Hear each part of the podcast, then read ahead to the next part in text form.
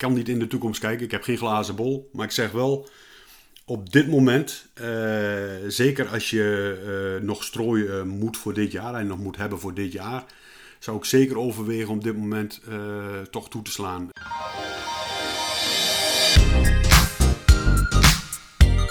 Theo, hoe is het? Ja, best. Ja, best. Heerlijk. Ja, druk. Druk met allerlei dingen. Dus het, het rommelt van alles wat, van links naar rechts. Veel velddagen gehad. Dus veel tijd moeten vullen met uh, overnachtingen, bezoekjes en, en, vooral in België, dat was, was druk. Ik zag het ja op Instagram, zag ik je regelmatig voorbij komen, maar daar komen we straks even op terug. Ik wil het eerst hebben over het weer. Het is, ja, genieten van het weer zit er eigenlijk niet echt in. Het kan wel, voor een minuut of tien en dan komen de wolkenvelden weer voorbij, dan weer een pittig buitje links en rechts. Het is ja, wisselvallig, zoals ze dat dan noemen, hè, meteorologische termen. Klopt, klopt. Het is wisselvallig en de wind zit in het noorden en in het noorden betekent koude lucht die van boven zee aankomt drijven. Ja, en als je gaat kijken van uh, wat heeft het weer nu gebracht de afgelopen tijd, dan denk je van oh, best wel wat water. Maar als je de meteorologen mag uh, geloven, die zeggen dat we al meer dan 100 mm tekort hebben. Um, om jezelf te overtuigen, pak eens een schep, steek eens in de grond en ga eens kijken tot hoe ver het water gekomen is. En dan schrik je ervan hoe ondiep het uh, water eigenlijk gekomen is eigenlijk, maar er zijn niet meer of vijf.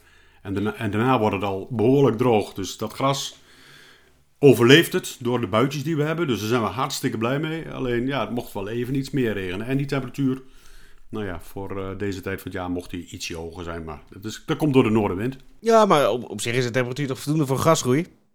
Voor grasgroei is hij voldoende. Maar voor hem uh, lekker in de korte broek rond te lopen, waar ik wel fan van ben, uh, heb ik liever ietsje warmer. En, voor de koeien is het wel heel mooi weer.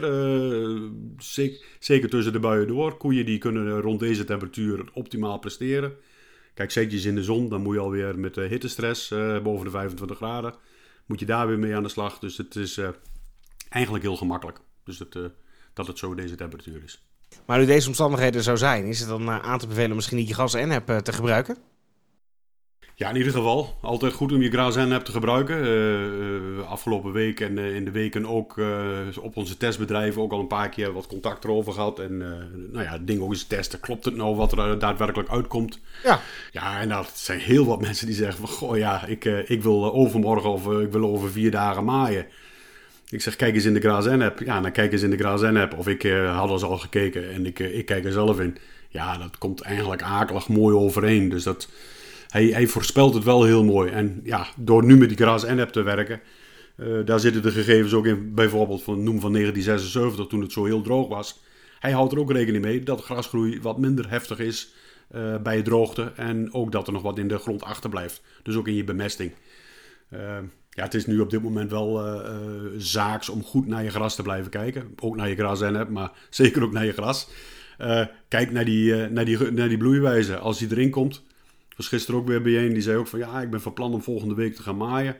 Ik zei nou, qua weer heb je gelijk. Ik zeg maar qua gras zou het er wel af mogen. Want die kwaliteit die klapt naar beneden als je flink de bloei erin krijgt. Ja, je moet kijken naar, die aard. Zodra die verschijnt, hè, dan gaat die voederwaarde gaat naar beneden. Uh, verteerbaarheid volgens mij ook. Misschien nog wel meer factoren. En uh, moet je dat dan voor zijn of is dat eigenlijk het moment? Ja, ja, het is uh, zeker uh, aan te raden om dan door te pakken. Kijk, uh, voor een eerste snede wordt, of dan wordt dan bij die snede wel gezegd van de eerste aren, als je die ziet, dan heb je het optimum. Dan heb je qua groei het optimum.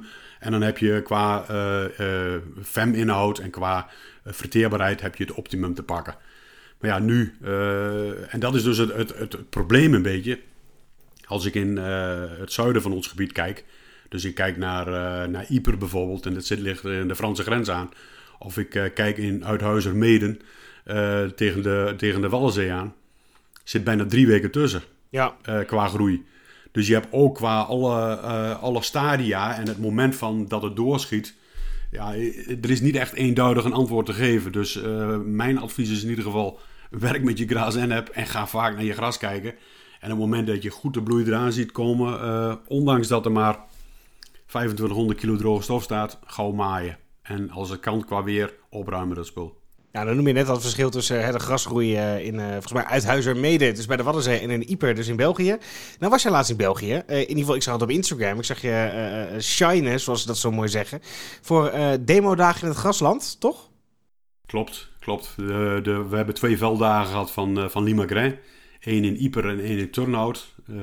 Ieper was wel een veldslag. dik boven de 30 graden. Dus het was verschrikkelijk warm. En S'avonds ben ik ook in mijn hotelkamer. Heb ik eerst eens even in een lauw bad gezeten om lekker bij te komen. Dus ik zit nooit in een bad. Maar ik was, toen was ik echt op. Ik was gewoon klaar. het, het kon gewoon even niet meer. Maar 470 man voor de neus gehad in Ieper. Dus dat was op zich wel een, wel een hele, heel aardige bijeenkomst. En dat ging dan in groepen van, nou ja, wat was het daar? 75, 50. Dus er waren grote groepen. En in, en in Turnhout was het wat kleiner. Was de temperatuur ook even duidelijk een stuk lager. Dus uh, daar kon ik mijn bodywarmer erbij aanhouden. En we hebben heel veel wind gehad. Dus het, was, dat was beter te doen dan die hitte. Maar dat is... Ja, en leuke dingen horen, eh, mensen horen, eh, mensen spreken, eh, praten over van hoe wij tegen bemesting aankijken en horen hoe zij met bemesting bezig zijn. En dan, ja, voorbeeld, wat, nee, er zijn meerdere mensen die dat zeiden, die kregen daar het advies om een ton uh, gips te gaan gooien tussen de eerste en de tweede snede. Ja, gips is uh, 50% zwavel. En wij adviseren ook wel zwavel in het voorjaar. Maar die hoeveelheden, dat is zoiets extreems. Dus dat is iets wat ik. Eh, een ton gips is geen probleem, maar doe het dan in het najaar. En dan kun je dat voor de bodemverbetering doen. En dan heb je je calciumvoorziening heb je verbeterd. En je, je CEC gaat verbeteren. Dus de, de, de, de capaciteit dat die elementen vast kan houden, dat verbetert. Maar als je dat doet in het seizoen en je gaat daar zoveel gips gooien ja, grote problemen. Selenium, uh, koper wordt niet meer opgenomen. Dus let op die koegezondheid. Dan ben je voor je bodem misschien wel goed bezig, maar voor je koeiengezondheid uh, oppassen. Ik zeg altijd wel zo, kijk, gooi je die ton op 2 hectare van je 45 hectare en die kuil je bij in. Daar zullen de koeien geen last van hebben. Trouwens, uh, waar ze wel last van hebben, is de smakelijkheid heel veel zwavel uh, bemesten, te veel zwavel bemesten, schiet ook de, zwa de smakelijkheid van het gras onderuit. Dus dat is wel een ding. Dat, dat zul je dan wel merken. Maar verdun je dat, is dat geen probleem. Dus. Maar als je dat over je hele bedrijf gaat doen, ja, dan kun je nog wel eens een probleempje tegen het lijf lopen. Dus dat is. Uh, nou ja, en wat bij iedereen, en waar nou ja, wat wij ook moeten gewoon blijven benaderen, is de kwaliteit van kunstmest. Men heeft geen idee waar hun kunstmest vandaan komt, bij welke leverancier. Wel wie het verkocht heeft, maar niet wie het geproduceerd heeft. Komt het nou bij Yara, OCI, uh, eh, Eurochem, maakt niet uit, of Fediberia. Waar komt het vandaan? Dat weten ze niet. Ze hebben uh, iets van Cas Zwavel gekocht. Uh, welke verhouding weten ze ook nog niet precies. Nou, en als je dan de vraag stelt van hoe moet je de kunststrooier afstellen? Nou, dat is een heel werk. Maar die moeten alles met schutboxjes en met soortelijke massa meten en alle andere dingen. Het kan wel, je kunt wel redelijk in de buurt komen. Maar als je een streep product. Je koopt het bijvoorbeeld bij, bij Yara of je koopt het bij OCI. Maar maakt niet uit bij wie je koopt. Dan heb je strooitabellen. En die, worden, die zijn prima afgesteld op dat product.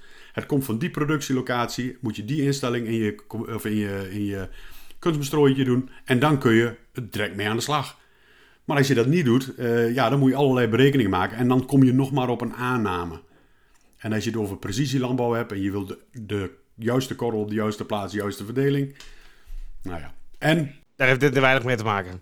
Klopt. En uiteindelijk uh, het derde ding wat ik goed benadrukt heb... en waar ook heel veel mensen mij wel een beetje aankeken... zo van, nou, dat, dat is iets wat nog helemaal niet gedaan wordt... en hier in Nederland toch al wat meer.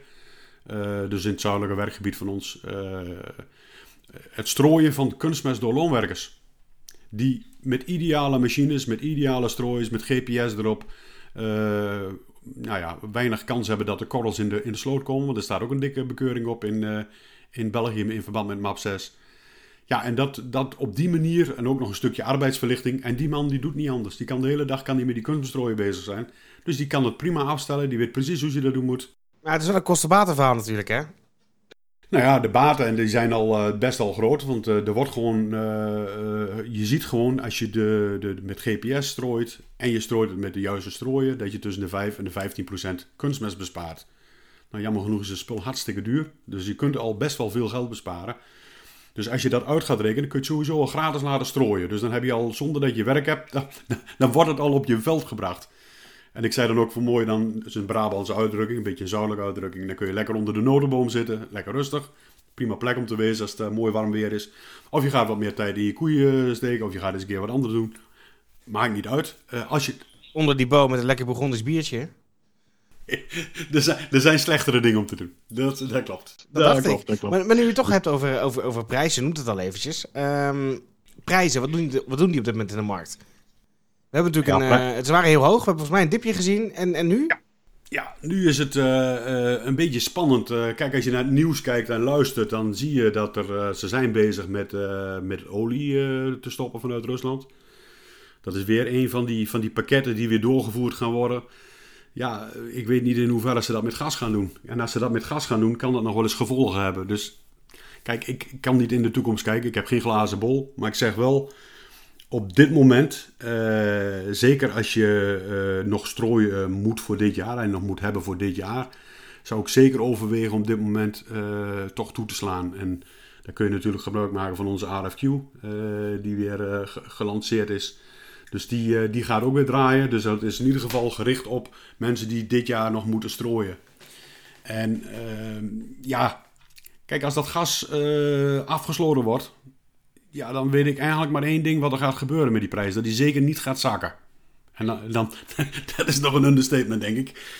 Dus de kans is dat die dan gaat stijgen. En dat merkt iedereen nu al met zijn gas en eh, elektra wat hij aan moet kopen voor, eh, voor het bedrijf of voor, eh, voor het thuis eh, gebeuren. Die, die prijzen stijgen. Dat was ook weer eh, in het nieuws dat het ja, spannende tijden aan gaan komen. En dat betekent dus ook als die prijzen omhoog gaan. En dan zeggen we wel van ja, jullie hebben vast een contract bij, eh, bij de kunstmestfabriek. Nee, die hebben we niet. Wij kopen echt op dagprijs. Want eh daar wil geen eh, enkele leverancier zich eh, aan branden door eh, langere termijn vast te leggen voor eh, zulke grote hoeveelheden eh, aardgas die gebruikt worden. Nou ja, en daarbij is natuurlijk, eh, we, we kijken rijkhalsend uit naar het moment dat eh, onze fabriek in, eh in Sluiskil voor een, eh, een groot gedeelte, of voor een gedeelte omgezet wordt naar groene ammoniak. Dus dat het op basis van stroom geproduceerd gaat worden. Dan worden we minder afhankelijk van het aardgas. Nou, dus dat is eh, wel een ontwikkeling die gaat komen, maar dat duurt nog een paar jaar. Dus. En tot die tijd eh, moeten we maar zien hoe ze het, hoe het gaat lopen. Precies. En op dit moment is dus die RFQ al geopend op de website van Yara. Klopt, ja. Kunt zo weer bij ons een, eh, een, een, een request for quote, oftewel aanvraag voor of een offerte doen. En dan wordt er een actie op ondernomen en dan eh, wordt eh, de, de voorkeursleverancier wordt aangeschreven en die zal een offerte uitbrengen. Dus die zal in ieder geval aangeven wat het kost bij hun. En dan kun je mee overleggen hoe, wat, waar en wanneer. Dus het is niet zo, het is direct verkocht. Het is echt een offerte. Ja, een vrijblijvende offerte. En geldt dat dan voor Nederland en voor Vlaanderen? Ja, dat klopt voor het hele werkgebied. Duidelijk. Mooi kunnen we die maken, hè? Nee, klopt. Zo is het. De tip van Theo is dus op dit moment, eh, eh, mocht je het nog nodig hebben, vul in ieder geval even die RFQ in op de website van Yara. Dat is uh, yara.be of yara.nl. En dan ploft de vrijblijvende offerte binnen no time in uw mailbox.